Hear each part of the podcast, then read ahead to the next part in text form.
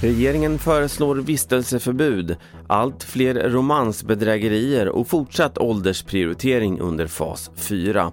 Jag först i TV4-nyheterna om att barn bör kunna förbjudas att vistas vid särskilda platser. Det skriver inrikesminister Mikael Damberg och andra regeringsföreträdare på DN Debatt. Förslaget syftar till att försvåra för gängkriminella att rekrytera barn till kriminell verksamhet. Rikspolischefen säger att det sällan varit så många av ledargestalterna i gängkriminella gäng som sitter frihetsberövade just nu. Så det är ett nytt läge eh, med också färre skjutningar. Då är det viktigt att göra det som krävs för att bryta nyrekryteringen. Det tycks bli allt vanligare med romansbedrägerier, alltså så kallat sol och vårande. Under årets första kvartal steg antalet anmälningar med 62 procent jämfört med samma period förra året.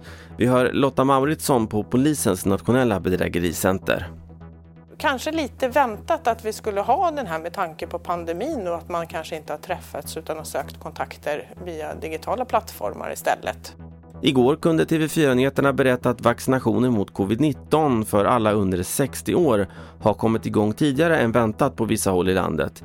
Och idag visar en kartläggning från SVT att de flesta regioner kommer att göra en åldersprioritering även i fortsättningen.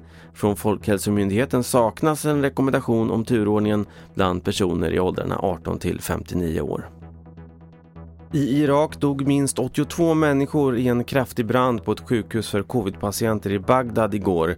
Det rapporterar landets myndigheter. Branden inträffade där syrgas lagrades och spred sig sedan snabbt. Och sist om att polisen igår kväll fick avbryta en bilträff på en parkering i Gislaved där omkring 1000 personer samlats, det rapporterar P4 Jönköping.